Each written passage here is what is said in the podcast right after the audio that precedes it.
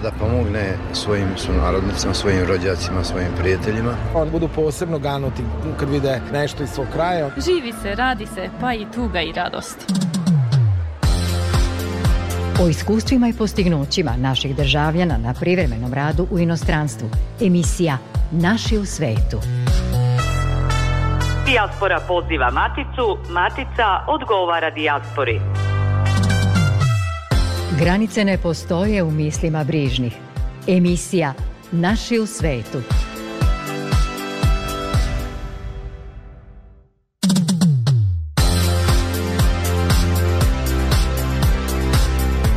Poštovani slušalci, dobroveče. Dobrodošli u emisiju koja govori o vezi Srbije sa svojim rasejanjem u narednih 40 minuta. Sa nama će biti Miodrag Jakšić, predsednik Matice iseljenika i Srba u regionu koji je organizator i učesnik poetskog karavana koji je okupio naše reprezentativne umetnike širom dijaspore.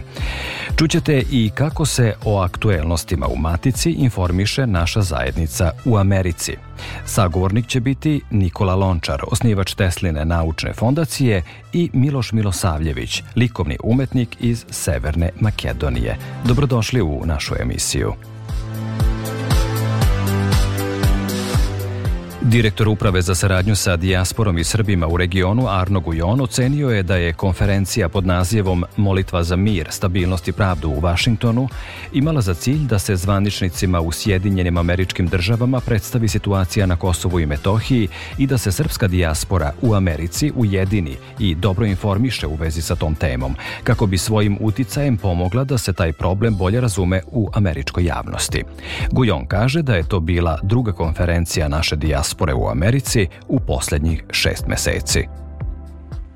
Izuzetno sam zadovoljan kako je protekla prethodna nedelja, kako smo imali sjajnu konferenciju sa mnogo ljudi iz naše dijaspore koji su došli iz cele Amerike da bi prisustvovali, ali i pre toga imali smo i razne sastanke sa predstavnicima američke, da kažem, američkog establishmenta i američkih instituta. Tako da smo imali dva cilja. Prvi cilj je da predstavimo situaciju na Kosovu i Metohiji e, predstavnicima Amerike. Drugi cilj da okupimo našu dijasporu koja je tamo izuzetno dobro organizovana, uspešna i da im kažemo da su oni veoma bitni za državu Srbiju, bitni u tom smislu da mogu kao američki Srbi, kao američki građani srpskog porekla da predstave na najbolji mogući način uh, situaciju na Kosovu i Metohiji američkoj javnosti.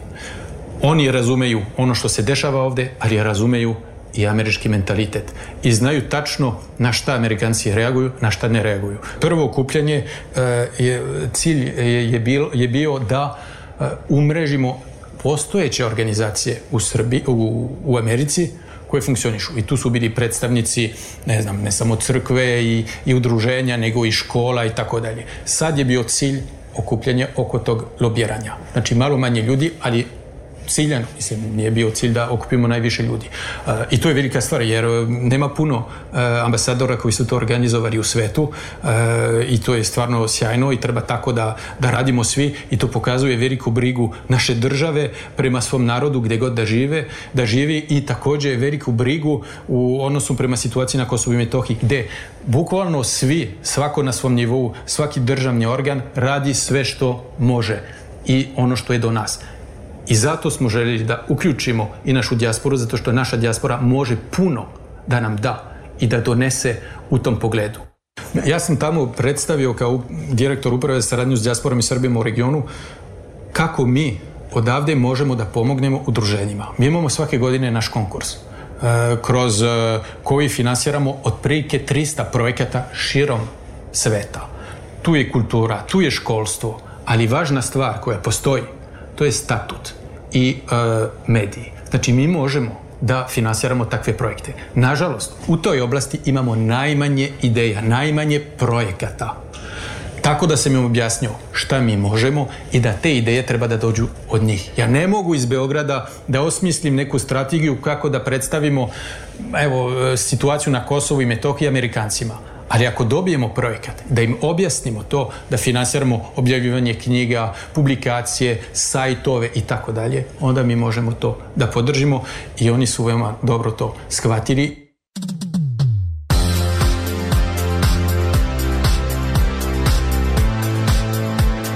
Uprava za saradnju sa dijasporom i Srbima u regionu najavljuje predstavljanje pisaca i izdavača iz regiona i dijaspore koje će se održati 28. oktobra, dakle sutra, u velikoj konferencijskoj sali Hale 4 u Beogradu na Međunarodnom sajmu knjiga. Inače, svoje izdavačke delatnosti u okviru kojih rade i stvaraju predstavit će udruženja iz Srbije, Republike Srpske, Severne Makedonije, Crne Gore, Rumunije, Grčke, Slovenije, Austrije, Švajcarske, Nemačke, Holandije, Kanade i Francuske, a svoje književno stvaralaštvo predstavit će više od 30 pisaca.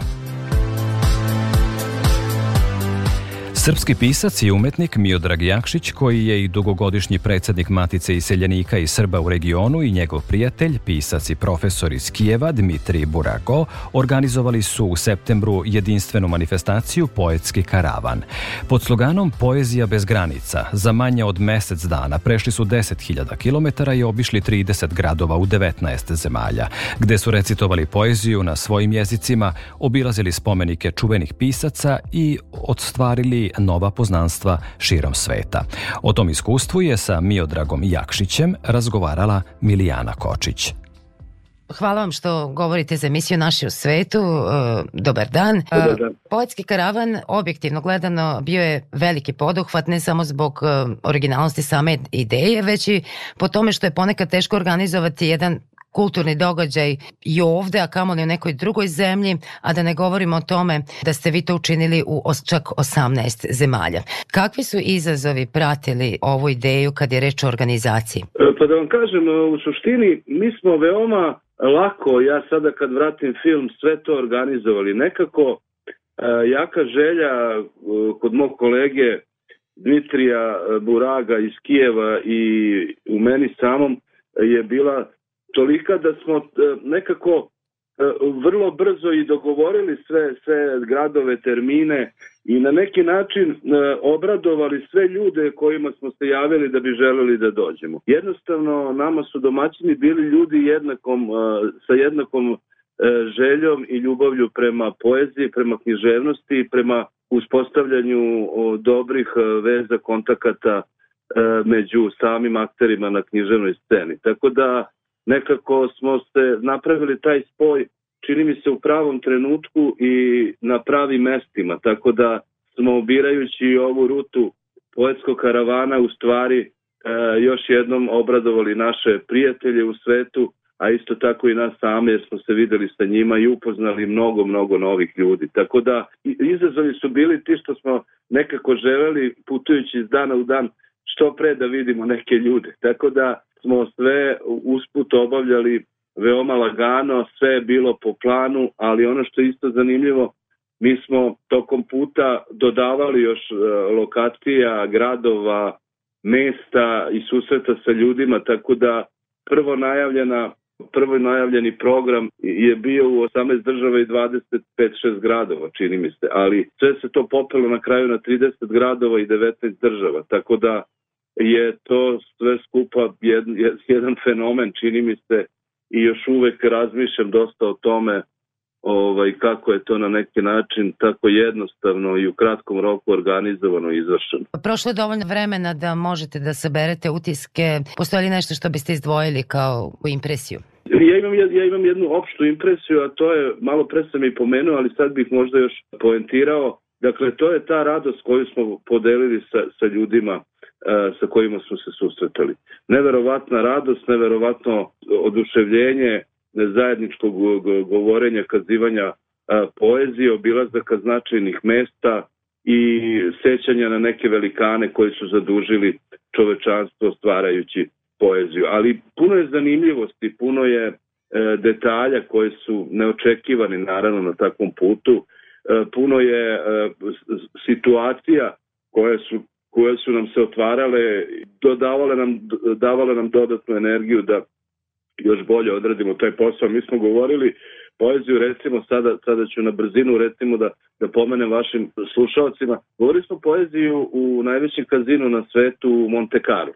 Dakle, management e, e, te institucije igara na sreću te kockarnice je bio dušenjen kada smo im poslali mail i omogućili su nam to sve i da snimimo i da fotografišemo i da obiđemo sve ovaj, uglove tog e, zanimljivog zdanja i na neki način ja sam njima rekao mi želimo da poezijom, govoreći poeziju, osveštamo taj prostor što je se njima jako videlo. Tako da je to recimo zanimljivo. Govorili smo na, na crvenom tepihu poeziju uh, u Kanu, što je bilo isto zanimljivo za organizatore festivala i za same turiste. Uh, govorili smo u Nici, u Francuskoj, u velikoj uh, crkvi, ruskoj, prelepoj, ogromnoj. Govorili smo u pravoslavnoj crkvi u Đenovi, u Italiji, e, ljubažnošću oca Marija, koji je italijan i ne zna ni reč e, ni srpskog, ni ruskog, ni ukrajinskog, a vernici su mu upravo ljudi iz tih krajeva, on je sveštenik u pravoslavnoj crkvi završio bogosloviju. On je italijan, drži službu na staroslovenskom, a piše čarobnu poeziju na italijanskom, tako da smo umesto 40 minuta ostali više od dva sata u govorenju poezije i slušajući njega kako govori poeziju. Ja sam ga pozvao na moj festival Indija Pro Poet e, sledeće godine i radujem se ako bi ovaj došao uh, on kao pesnik, iako je uh, jako dobar i važan sveštenik u Italiji. Recimo, to je bilo u Đenovi, bili smo u rodnoj kući Lorke u Granadi, gde su nas sjajno dočekali. Tamo smo govorili poeziju, u Španiji, dakle potom smo imali e, nastup u, rodnoj, u, kući gde je živeo e, Fernando Pessoa, portugalski veliki pisac, najveći verovatno za te knjižene večeri u Barceloni, Madridu. Bili smo, što je meni posebno emotivno bilo važno, e, obišli smo kuću Egzeperija, pista, koji je stvorio malog princa. Videli smo taj čarobni spomenik visoki gde mali princ i egzeperi sede na tom postolju. Tako da, mislim, potom i je bio tu i Beč, zanimljivo zato što smo pored književne večeri za odrasla, tako kažem, nastupili i imali jedan dvočas sa decom u osnovnoj školi. To su deca srpska, hrvatska, muslimanska i ukrajinska i ruska deca, 120 deca, dakle s njima smo pričali o poeziji, pričali o životu i to je bilo sjajno, a dakle sa decom, a dan pre smo imali u Freiburgu u Nemačkoj nastup pred e, penzionerima u biblioteci jednog doma za stare u Freiburgu. Tako da nekako se govorili su u poeziju, dakle sveštenici, diplomate, ambasadorka Bosne i e, Martina, divna pesnikinja, je govorila poeziju u Pragu gde je ona ambasada Bosne u, u, u Češkoj republici. Tako da nekako puno je tih impresija zanimljivosti, dakle poezije su na, na ovom poetskom karavanu govorili svi, od dece do penzionera, od sveštenika do diplomata.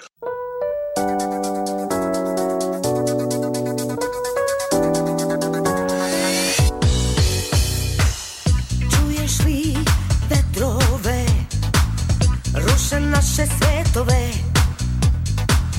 Lome ne oklevaju, mira nemaju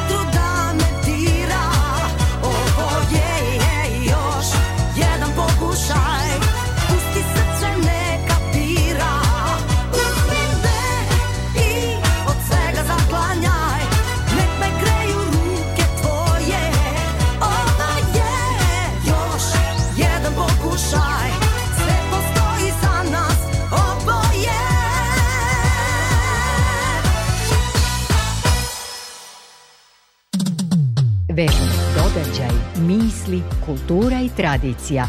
Emisija Naši u svetu. Domaćini poetskog karavana, koji je za manje od mesec dana prošao kroz 30 gradova, bila su razna udruženja, kulturni centri, biblioteke, izdavačke kuće, kao i pojedinci sa kojima pisci Miodrag Jakšić i Dmitrije Burago već imaju kontakte i zajedničku saradnju. Među njima su i srpska udruženja, pa je, zahvaljujući tome, u 19 zemalja recitovana poezija na srpskom. O tome, ali i o drugim iskustvima tokom tog poetskog putovanja čućete u drugom delu razgovora razgovora koji je sa organizatorom Miodragom Jakšićem vodila Milijana Kočić. U kojoj meri su srpska udruženja u tim zemljama bili organizatori ili učesnici? Tamo gde, gde imamo veoma su aktivni bili, nama je domaćin u Pragu bilo udruženje Lastavice kojom rukovodi e, jedno aktivno udruženje, zaista važno i vredno, brojno, sa brojnim članstvom. Jelena Ćirić, pesnikinja, je predsednica tog udruženja Svetlana Matić nam je bila domaćin u, i njeno udruženje Vilhelmina Mina Karadžić u Beču, pošto je Svetlana i, i, i profesorka jezika, tako da je ona i bila i u toj školi gde smo bili. U Budimpešti nam je udruženje Krug kojim rukovodi mi slikar Milan Đurić i profesor Milan Đurić. Oni su bili domaćini. Tamo isto bilo čarovno, obzirom da sam upoznao nekoliko novih, mladih, izuzetno darovitih pesnika Dakle, to su naši Srbi koji su e, na školovanju ili na fakultetu ili u srednjoj školi Nikola Tesla u, u Budimpešti. Tako da se radujem u suštini toj knjizi koju ćemo mi objaviti sa našim impresijama sa poetskog karavana,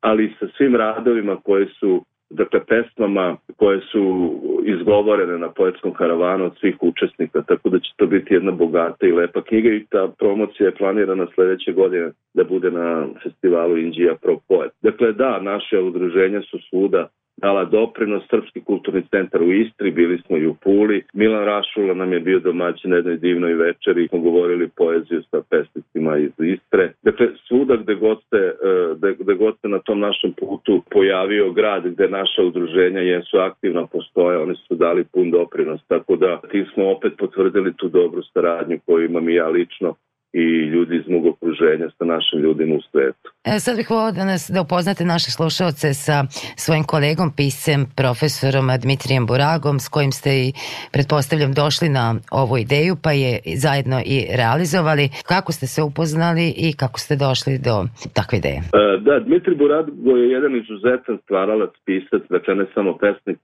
nego i prozni pisac, izdavač. Dmitri je profesor univerziteta u Kijevu, predaje svetsku književnost, e, tako da smo usput e, putujući e, zajedno smo išli kolima, ukupno smo prešli oko 11.500 km tokom poetskog karavana, slušali audio knjige. Dakle, Dmitri je e, izuzetan čovek iz porodice koja je e, puno dala Kijevu, Ukrajini, ali i ruskoj kulturi. E, dakle, ja sam njega upoznao već sada davne 2000 15. godine, on je bio gost na mom prvom festivalu Indija Pro Poe 2017. godine, a onda sam ja bio gost njegov u, u i mi smo se zaista prijateljili na, na jedan vrlo uh, blizak način kroz uh, razgovore o poeziji, o književnosti, u napređenju poezije u javnosti među ljudima, da se povežemo što više. Tako da sam ja već 2018. godine bio gost u Kijevu svečanosti povodom njegovog 50. rođendana, a on je uh, rođendan slavio u jednom velikom pozorištu u centru uh, u centru Kijeva, koje nosi ime Burago, dakle to je dom aktora, dom, dom glumaca uh, Burago, po njegovom dedi koji je osnovao to pozorište, dakle njegova porodica i on sam su veoma važni i uticajni u Kijevu i puno su dali za kijevsku kulturu i književnost, tako da sam na toj e, svečanosti na Bini govorio poeziju na srpskom jeziku i meni je to bila velika čast i mi smo time utvrdili naše prijateljstvo, nakon toga smo se često viđamo e, komentarišemo, bio mi je gost i prošle godine na festivalu gde smo u stvari prvi put pomenuli temu poetskog karavana i dogovorili ste da krenemo i po obzirom da je festival bio u junu, a mi smo već u septembru krenuli, dakle videli ste koliko je to bilo E, ekspeditivno s naše strane i koliko smo imali želju da zaista odradimo taj naš e, projekat, da tako kažem, naše putešestvije, kako Dmitri voli to da kaže. E, na koji način se sporazumevate, na kojem jeziku govorite? Pa mi pričamo, kako voli Dmitri da kaže, jezikom poezije, ali suštinski pričamo na ruskom, jer ja sam učio u ruskoj osnovnoj školi, ovaj, tako da mi je da eto, to sad ispalo dobro, što, što ovaj, ja obogatio sam uh, svoj vokabular uh, ruskim rečima, sada družeći se sa njim. Tako da nam je to jezik na kome razgovaramo, polako on uči srpski, tako da nemamo nikakav, nikakav problem u komunikaciji. A kad je reč o poetskom karavanu, na kojim jezicima je recitovana poezija? Kako, kako je to, da kažem, da, zvučalo? Su, ljudi su govorili poeziju na čemu smo mi insistirali na svom jeziku. Dakle, e, u Španiji na španskom, obzirom da su nam gosti na način nastupima u Španiji bili i pisci iz Dominikanske republike, Kolumbije, koji gravitiraju ka Španiji i oni su govorili na svom jeziku, u Italiji su govorili na italijanskom, u Švajcarskoj uglavnom na nemačkom. Naši su u Austriji takođe u Braunau na nemačkom. E, naši su govorili na srpskom jeziku, na, na, poezija im je na srpskom, dakle naših autora je bilo u Beču, rekao u Pragu, u Budimpešti, po najviše, tako da je bilo na grčkom, bugarskom, tako, bilo je zanimljivih, zanimljivo će biti kada bude ta knjiga gotova i ovaj, mislim ne znam koliko je to jezika sada, nisam tu statistiku nemam, ali uglavnom svi ti jezici gde smo bili koji se govore u tim zemljama. Niti to insistira da kada govoriš poeziju na jeziku svome, onda bez obzira što ovaj ko sluša ne razume sve, ali u suštini emociju poezije sigurno razume. Tako da mi smo u, u jednom šaljivom tonu u Švajcarskoj osnovali nekako ta Švajcarska u stvari kao neutralna zemlja e, doprinosi da tamo postoje neke određene institucije i svetske i evropske, ali mi smo osnovali nekako se tako namestilo, bilo je predivno veče u Soloturnu i malom gradiću na domak Berna, da smo imali nastup Imperiju poezije, to je jedna vrsta duhovne države koja nema ni granice, ni stanovnike, ni ustrojstvo, ni statut, ni ustav, ali okuplja E, vesnike poezije i odnosno e, ljude privrženike u poeziji pesnike, a imperator je te imperije poezije, u stvari imperatorka sama poezije. Tako da smo malo i na duhovit način e, formalizovali neku vrstu razgovora sa našim ljudima odnosno sa ljudima s kojima smo i pesnicima s kojima smo sarađivali na ovom putovanju. E, hvala vam gospodine Jakšiću što ste podelili detalje i utiske sa ovog e, poetskog putešestvija, kako vi gospodine da. Borago kažete. S radošću očekujemo i poetski karavan broj 2. Hvala i vama na interesovanju, prijatno. Emisija Naši u svetu. Povodom godišnje skupštine ogranka fondacije Nikola Tesla u Srbiji, Nikola Lončar, osnivač fondacije, boravio je u Beogradu. Osnovni cilj Tesline naučne fondacije je da Teslina dostignuća budu razumljiva što većem broju ljudi. Sa Nikolom Lončarom razgovarala je koleginica Ružica Zorkić-Radičević, urednica emisije Večeras zajedno, Radio Beograda 1. Ogranak Tesline fondacije u Srbiji je osnovan 2014. godine. Koje su dostignuća do sada? To je skoro 10 godina. Da, dostignuća, prvo mislim taj deo u, u koje smo radili istraživanja uh, kako poboljšati maksimalno saradnju matice dijaspore. To verovatno smatramo najvećim dostignućem, to smo uradili istraživanje na 7.500 ljudi, anketu, mali broj je prihvatio da popuni anketu, ali jedan ogroman broj nam je pisao kako oni vide i kako bi oni, e, šta oni misle da bi trebalo menjati da bi se ta e, kooperacija što bolje napravila. E, drugo, taj eksperimentalni program koji radimo u Americi, možda će čak malo da zvuči ovako čudno, kad smo krenuli sa programom uvođenja Nikole Tesle u američke škole, onda je jedna od direktorke naši rekla pa daj da prepišemo taj program iz Srbije i šta se mi mučimo toliko. Problem je što u Srbiji taj program ne postoji. Tako smo došli do toga da moramo i ovde da ga razvijemo da bi se to desilo. To nameravate da radite kroz klubove Nikole Tesle koji će biti osnivani u školama. Imate li škola koje su se već prijavile i da li je taj program završen sada? Da, imamo 85 škola koje su zainteresovane da budu deo toga. Nekoliko škola, eksperimentalni program i ovde. Program nije završen. Radimo uh, sada da uradimo platformu na kojoj će da budu sve različite škole predviđene, uh, predstavljene sa svojim uh, programom kako oni vide, kako njihovi nastavnici vide, kako, znači tu nije e, samo e, život i delo Nikole Tesla, tu se ide kroz likovne sekcije, kroz e, nastavnici fizike, elektrike, znači svi bi razni nastavnici e, davali časove i oni koji su najuspešniji, imamo dramsku sekciju koju dramu smo, koju smo uradili o Teslinom životu. Oni koji su najuspešniji, oni bi bili postavljeni na našu platformu i to bi mogli da dele sa drugim nastavnicima po svetu. Tako da mi nismo jedini ti koji pravimo taj program i taj projekat. To mi želimo da svi oni učestvuju, da svi oni ravnopravno to dele. Rekli ste, ići će na platformu i moći će da se deli po svetu. Da li ste komunicirali sa nekim udruženjima naših ljudi u inostranstvu, da to nisu Sjedinjene američke države koji bi eventualno za naše dopunske škole prihvatili taj program? Apsolutno, apsolutno, to nam je osnova svega. Imamo, prvo smo krenuli sa školom sa, u Čikagu sa klubom Nikola Tesla, to je doktorka Milena Bajić koja to radi već godinama. Onda eh, Cleveland, E, Detroit, e, najviše San Diego. Oni mogu da se registruju kod nas na našoj platformi, da sarađuju, naprave zatvoreni krug sa ostalim nastavnicima, ali ne da nam neko natura program koji nije prihvatljiv za nas. To ne može. Kako ste u Americi uspeli da osnovete da. ogranke?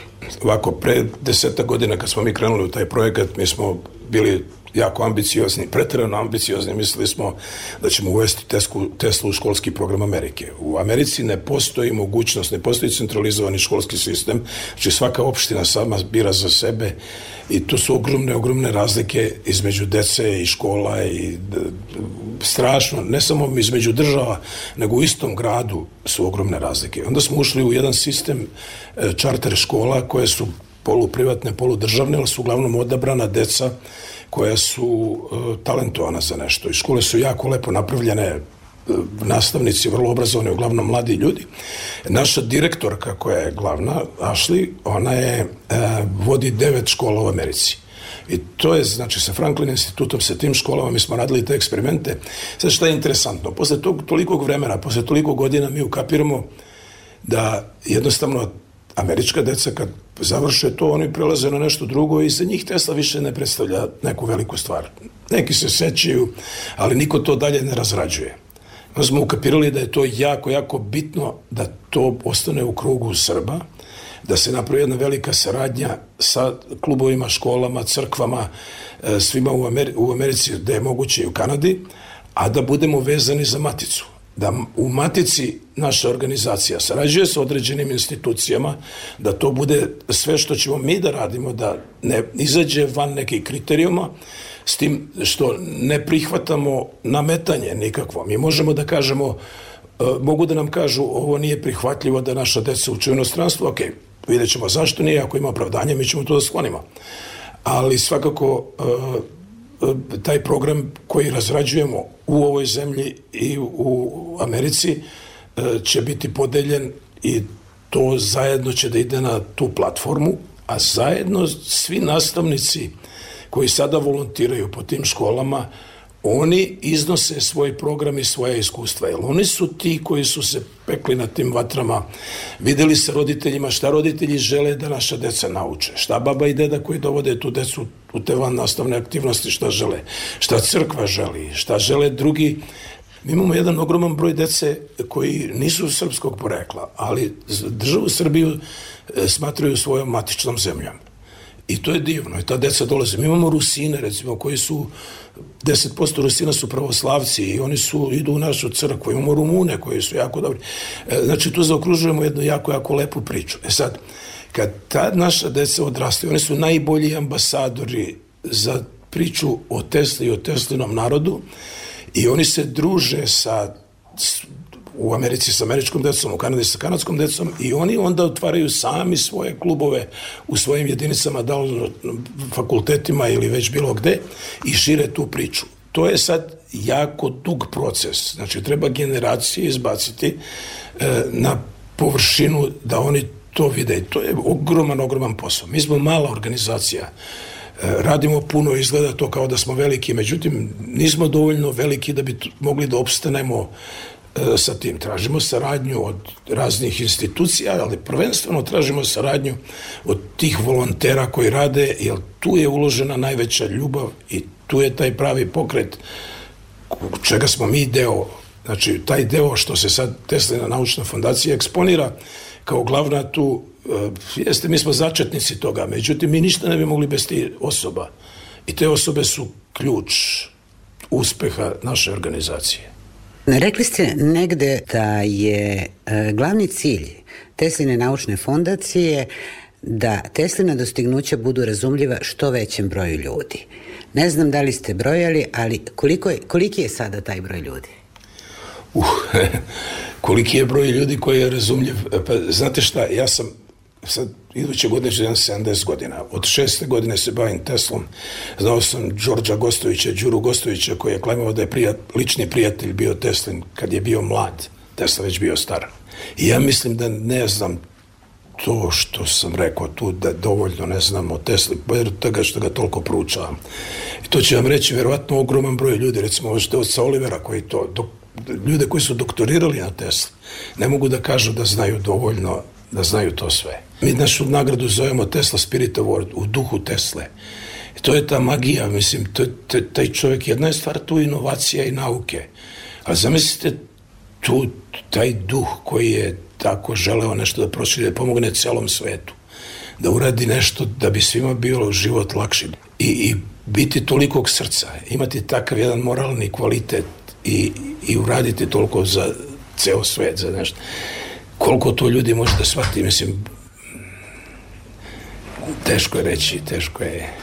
A da li biste mogli da izdvojite kad kažete e, da se ono što je Tesla radio približi većem broju ljudi i imate program po, koje, po kom radite, odnosno pravite, stvarate ga. E, da li biste mogli u nekoliko rečenica da predstavite osnovne elemente tog programa da bi slušalcima bilo jasnije šta je to na čemu se radi? Pa znate kako, e, prvo kad su tražili da ja držim predavanje, ja sam u školi učio ruski, nikad engleski nisam učio, znači učio sam ga na ulicama Filadelfije i ja nisam predavač, nisam profesionalac.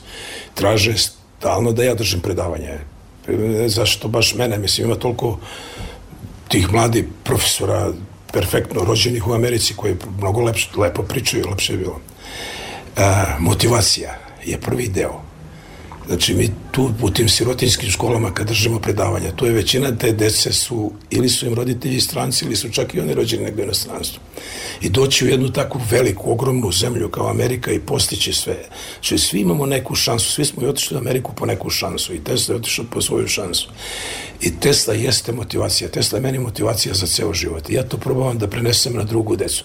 Ne možemo mi svi da budemo Tesla ali svi možemo da radimo na nečemu da nešto bude bolje, ali ne da bude bolje samo za mene ili za mene i vas ili za nas nekoliko, nego koliko je god to moguće da bude bolje.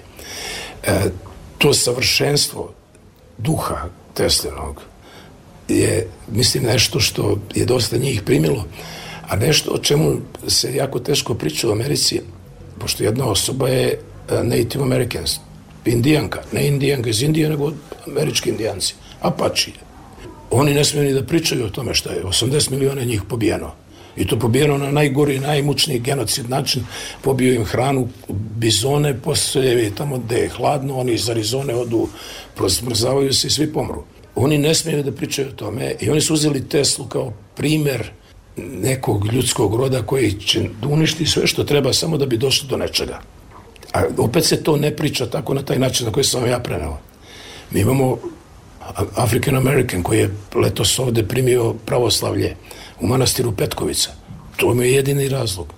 I oni gledaju na Teslu kao na sveca, kao na svetinju. I onda budućnost, vizija Teslina koju je on napisao pre 100 godina, e, čak i u mobilnim telefonima, o prenošenju razgovora, govora, o razno raznim stvarima. Znate koliko je to jako kad mi znamo da u, postoji mogućnost za tu budućnost. Postoji toliko dobro, mi ratujemo zbog nafte koja nam uopšte nije potrebna, pogotovo Amerikancima. Njegova vizija je fantastična. Njegova vizija daje sva moguća rešenja koja su potrebna da bi se na ovoj zemlji živelo bez ratova, bez mase bolesti. Još samo zadnje da vam kažem da najveći broj mladeži američke, tamo Filadelfija je prvi glavni grad, e, tu smo napravili veliku uh, koncerte, proslavu Teslinog rođendana u ponoću, sve. Ja sam došao i sad ti klinci sa šest minđuša ušima, sa oranž kosom, sa čudno deco koji obožavaju Teslu. I oni sad tu ima neke svoje sastave, sve. Ima jedan ogroman baner, možda jedno 50 metara veliki. Piše, tehnološka revolucija je jedina solucija Nikola Tesla. Nikola Tesla to nikad nije rekao, ali je mislio. Hvala što ste govorili iz Radi Beograd. Hvala vama, sve najbolje. Srcem i dušom mekšamo setu jedni drugima. Emisija Naši u svetu. Zahvaljujemo kolegama iz Radio Beograda 1 i emisije večeras zajedno na ustupljenom radijskom prilogu. Tu emisiju koja je srodna sa našom, vrlo često volimo da nazivamo prijateljskom i sestrinskom. Naime, kao solidarni mediji trudimo se da što više razmenjujemo materijali koji svedoče o dobroj i kvalitetnoj vezi između matice i dijaspore. I naredni prilog govori u prilog tome. Profesor Miloš Milosavljević, likovni umetnik našeg porekla i dekan Fakulteta za dizajn i multimedije u Skoplju, imao je svoj performans i izložbu u okviru manifestacije kulture Bela noć. Uradio je više od 167 scenarija, oko 57 murala, preko 12 samostalnih i više od 30 grupnih izložbi. Sa profesorom Milosavljevićem u Skoplju je razgovarala koleginica Jelena Malenkova iz srpske redakcije Makedonskog radija, sa kojim također takođe, dakle solidarno kao mediji, razmenjujemo priče o našim uspešnim ljudima u svetu.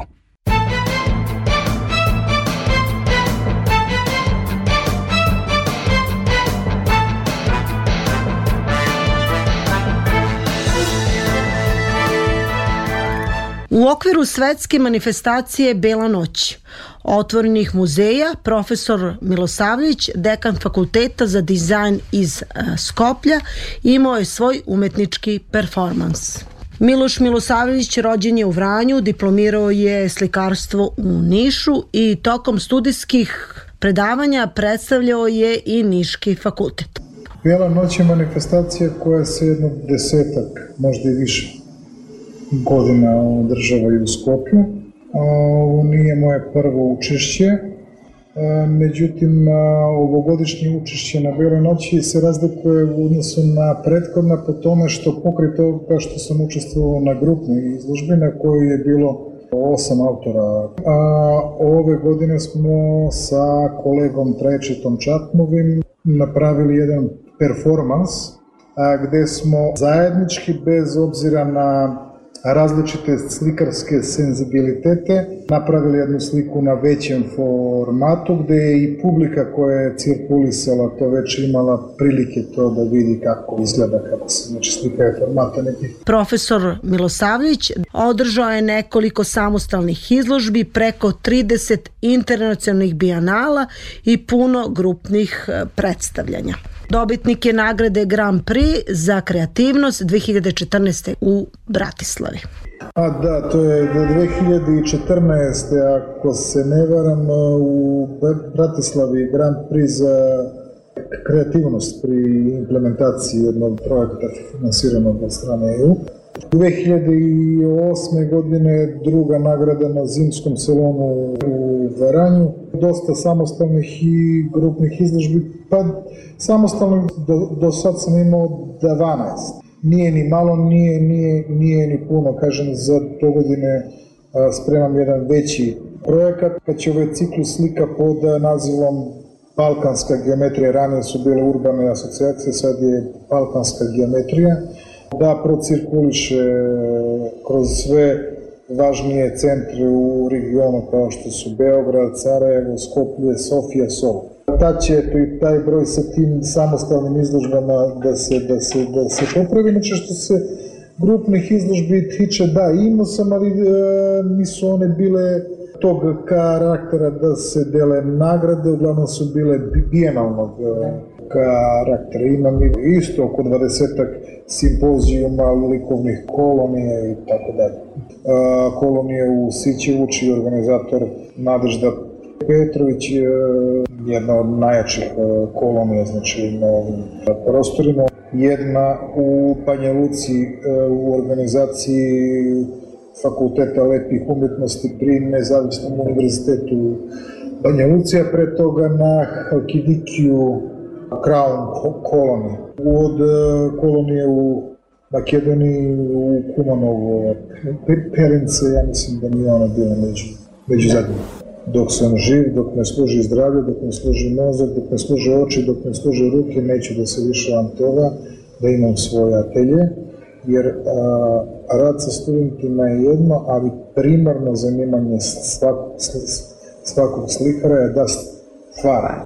Zahvaljujemo koleginici Jeleni Malenkovoj iz srpske redakcije Makedonskog radija koja prati našu zajednicu u Severnoj Makedoniji. A hvala naravno i vama, poštovani slušaoci, na vašoj pažnji u proteklih 40 minuta. Nove priče o vezi Srbije sa dijasporom pripremamo za sledeći petak u 19.5, dakle u isto vreme. Prijatno veče.